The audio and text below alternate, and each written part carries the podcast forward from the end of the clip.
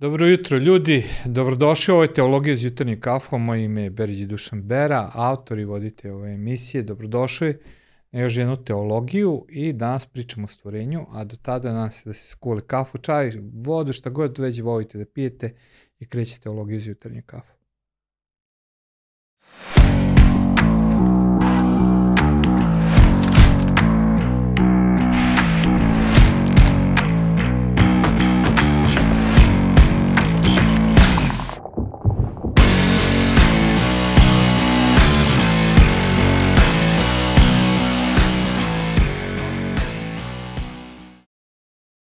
Ono što je ideja koja stoji za teologiju iz jutarnju kafu jeste da različite teme iz duhovnosti, crkve, hrišćanstva približe svakodnevnom kontekstu priči, kao što je priča između dva prijatelja. Nekada davno a, sve je to počeo uz pomoć mog telefona u, za mojim kancelarijskim stolom, izvadio sam telefon, snimio sebe, a među vremenom, kako vidite, razvili smo i to sad izgleda sasvim, sasvim drugačije.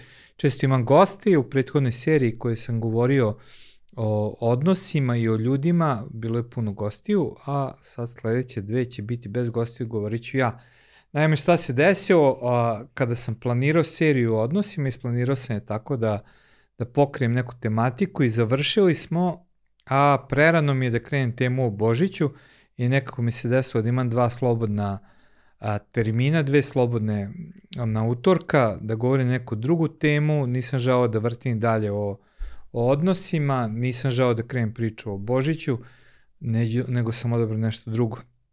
Pre nekako, pre ima više sad već mesec i nešto dan, početkom novembra, govorio sam, znači sad i mesec dan, da, govorio sam na Romskoj biblijskoj školi u Leskovcu, tamo su mi bili zamolili da govorim na temu osnove stvaranja, znači da govorim o biblijskom pogledu na stvaranje i na brizi za životnu sredinu, tako da ove dve uh, teme o kojima ću govoriti jesu vezane za to. I danas govorim osnove stvaranja, znači pogled kako bi mogli da razumemo to prvo poglavlje a, Svetog pisma da piše da na početku Bog stvori nebo i zemlju i zemlja beše pusta i prazna i Duh Boži lebdeše nad vodama i onda Bog reče i stvori ovo i Bog reče i stvori ono i tako opisano kroz ceo tekst koji ja danas neću čitati, vi ga možete pročitati a, u, u sve vaše svetom pismo, znači prvo poglavlje sveto pismo govori o tome da je Bog stvorio nebo i zemlju. I ja u to apsolutno nemam nikakvu sumnju.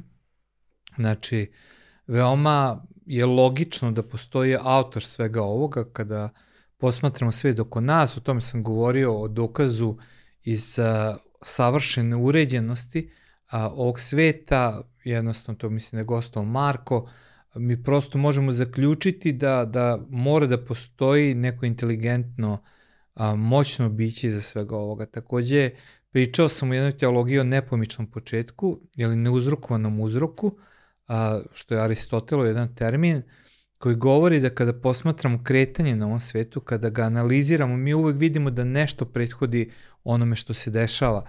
I ako idemo nazad, a, mi shvatamo da ili postoji beskonačan niz prethodno uzrokovanih događaja ili negde mora da postoji početni događaj koji sve pokrenuo.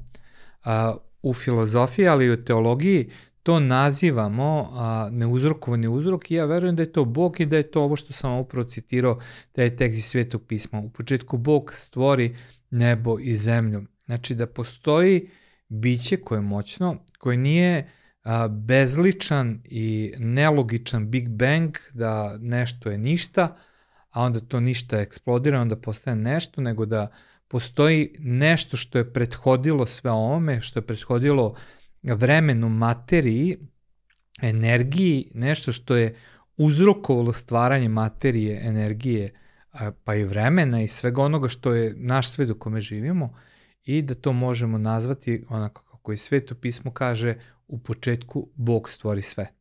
Međutim, a sve posle toga jeste pitanje kako razumeti taj tekst a, prvog poglavlja. Da li u tom tekstu u prvom poglavlju a, pisač želi da nam da naučne informacije o tome kako je se to se dogodilo, jer to je stvarno kontraverza koja se dešava širom sveta, da postoje velika debata da li sveto pismo a, znači što se tiče hrišćanstva, ono veruje da je to tako se desilo, bukvalno šest a, 24 časovnih dana ili a, se radi o nečem drugom, a, kako razumeti to?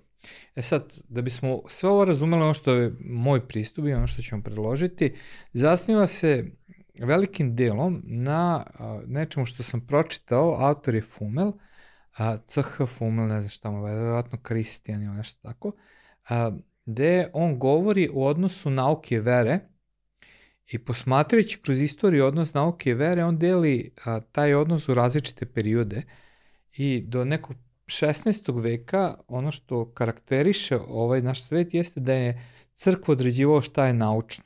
Ne da je crkva bila izvor nauke, nego je crkva određivala kako a, se nauka definiše, a, pa tako, na primjer, u kontraverziji, opet o njoj smo pričali sa Gerijem o Galileju, a, crkva je ovaj svet posmatrala kroz Aristotelovu a, prirodnu nauku, i, ali ona odredila da je to pravoverno na, na neki način, tako da je crkva velikim delom bila ona koja je govorila šta je naučno, šta nije, a ona je bila izvor svega i ono što se može reći da je ona bila mecena ili ona koja je finansirala a, nauku kroz vekove. Nije bez a, činjenice, prosto kad pogledamo sve velike univerzitete u Evropi, u svetu, a, svi ti univerziteti u početku su bili a, velikim delom podržani od crkve, ako ne i osnovani od crkve.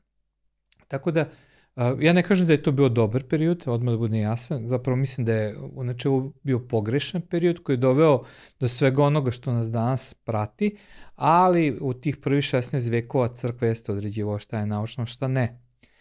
Hume i proste svetitelji a, pokušavaju da nađu neki kompromis i definišu nešto što bi mogli nazvati dve stvarnosti, znači tamo negde 15. 16. vek, počinje da se priča o tome da s jedne strane postoji nauka koja se bavi jednim elementom ove stvarnosti, dok crkva i vera a, se ne bavi time, nego se bavi onostranim. Znači, i ne postoji jasno preklapanje niti paralela u odnosu na ove a, dve stvari. Svega toga se rodio ideizam, ideja da je Bog veliki pokretač ovog sveta koji je napustio ovaj svet i više nije uključen u sve ovo i tako dalje, da ne ulazim u celu tu tematiku, ali došao do jednog velikog razdvajanja na dve stvarnosti, ne dva pogleda, da budem odmah jasan ovde, ne istu stvarnost, nego govore da postoje dve paralelne stvarnosti koje nemaju dodira. Jedna je naučna, racionalna, druga je nenaučna i neracionalna.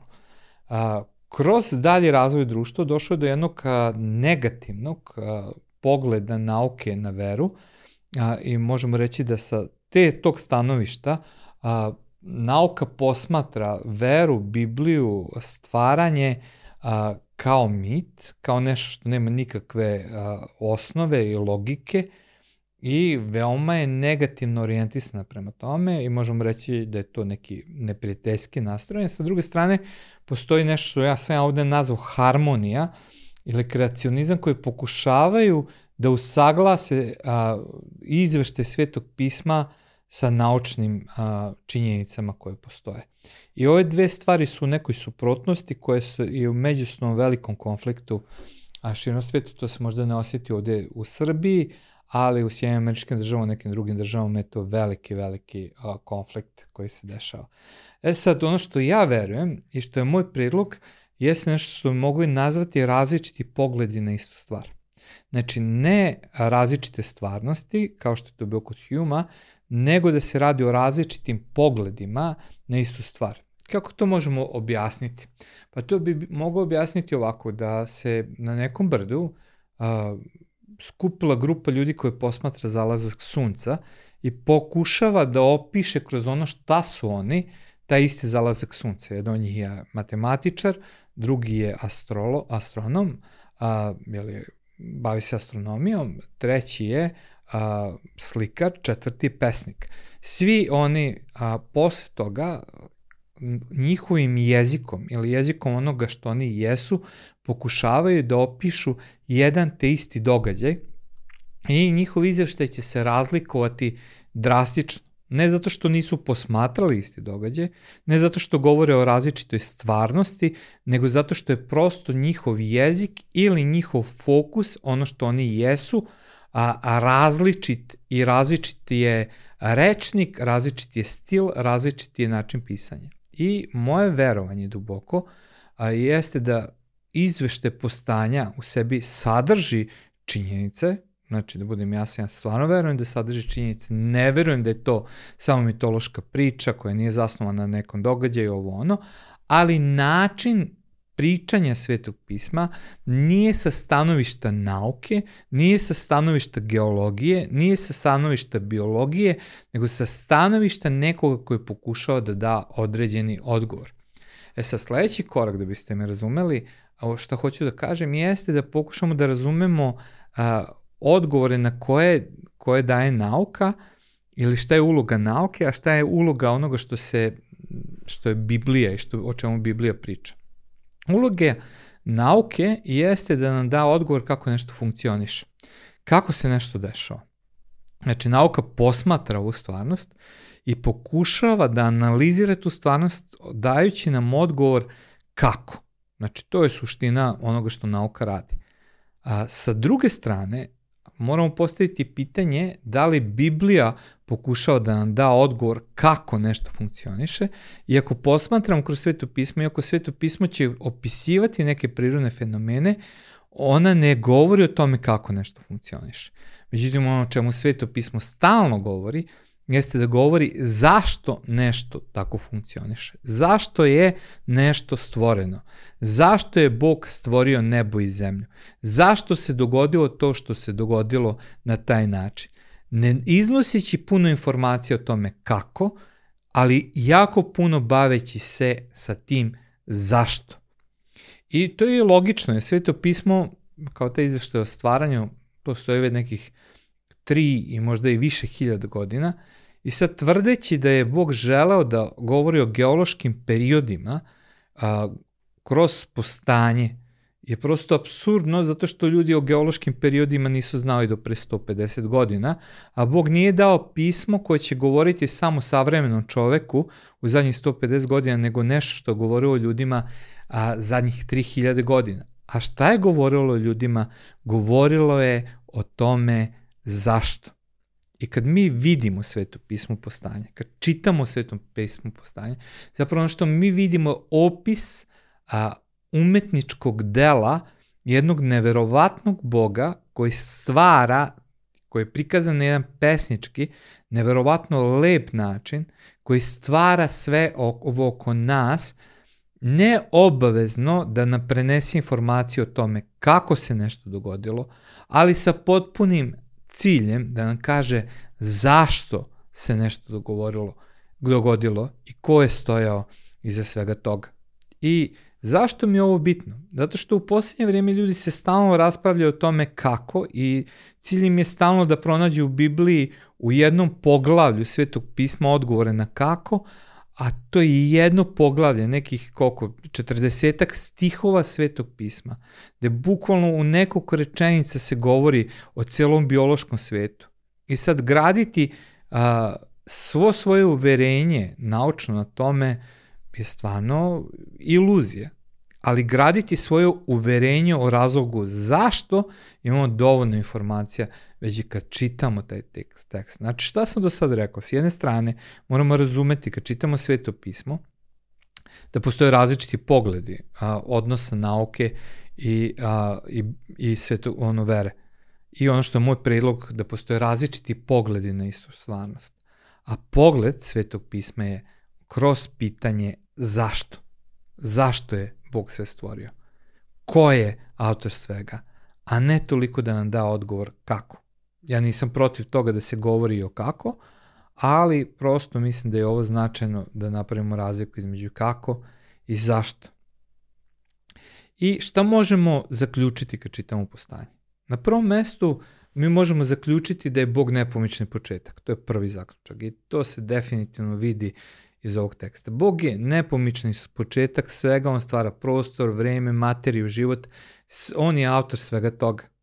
Ona druga stvar koja nam je jako značajna i značajna je posebno ako čitamo sveto pismo Novog Zaveta i poslanici ko što je prva Jovanova i tako dalje, da je materija dobro, ona je delo dobrog Boga, je neprestano kroz postanje se nalazi taj tekst da je Bog sve dobro stvorio. Materija je dobra. Ovo je nešto što je delo dobrog Boga. U stvaranju materije kao treća stvar, mi vidimo lepotu stvaravačkog Boga. Mi vidimo umetnika koji oslikava svoju ljubav kroz stvaranje. I mi vidimo ljubav Božiju među tim prvim poglavljima svetog pisma. Kao vrhunac stvaranja prema svetom pismu mi vidimo ljudsko biće i to muško i žensko. Jer ono što mi vidimo u postanju da je Bog stvorio muško i žensko kao ljudsko biće. I ono što često zaboravljamo da, a, da je ime Eva bilo dato Evi tek posle pada u greh, a ne prepada u greh. Da su oni bili ljudska bića, da su bili čovečanstvo i da ih je tako video sveto pismo.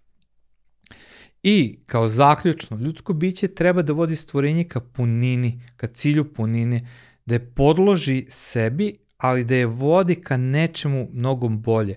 I to je ono što Sveto pismo govori. Ono govori o zašto, ne toliko kako, a zašto je Bog stvorio ovaj svet? Stvorio je da u njega stavi čoveka, stvorio ga je da pokaže svoju ljubav i stvorio je ga je kako bi ovaj svet išao ka nečemu mnogo boljem kroz delovanje čoveka a, u ovom svetu, što je zadatak a, koji je Bog dao dao čoveku a, na, na, na samom početku. I još jedan komentar tražimo, ne mogu da ga nađem. A, samo sekundu u ovim mojim beleškama. Samo sekundu, da. Ma ne, to je to. To je manje više to. Znači ono što sam želao da, nas, da vam kažem danas. Kad čitamo postanje, nemojmo postaviti toliko pitanje kako. Postavimo pitanje zašto. I onda će ovaj tekst dobiti jednu neverovatnu lepotu i vodit će nas dalje u našem razumevanju da kada je Bog stvorio ovaj svet, stvorio ga je prelepi. Ovo je bila teologija uz jutarnju kafu. Nadam se da ste uživali u njoj. I vidimo se sledeće nedelje ponovo. A napišite nam šta biste želeli dalje da pričam. Pozdrav.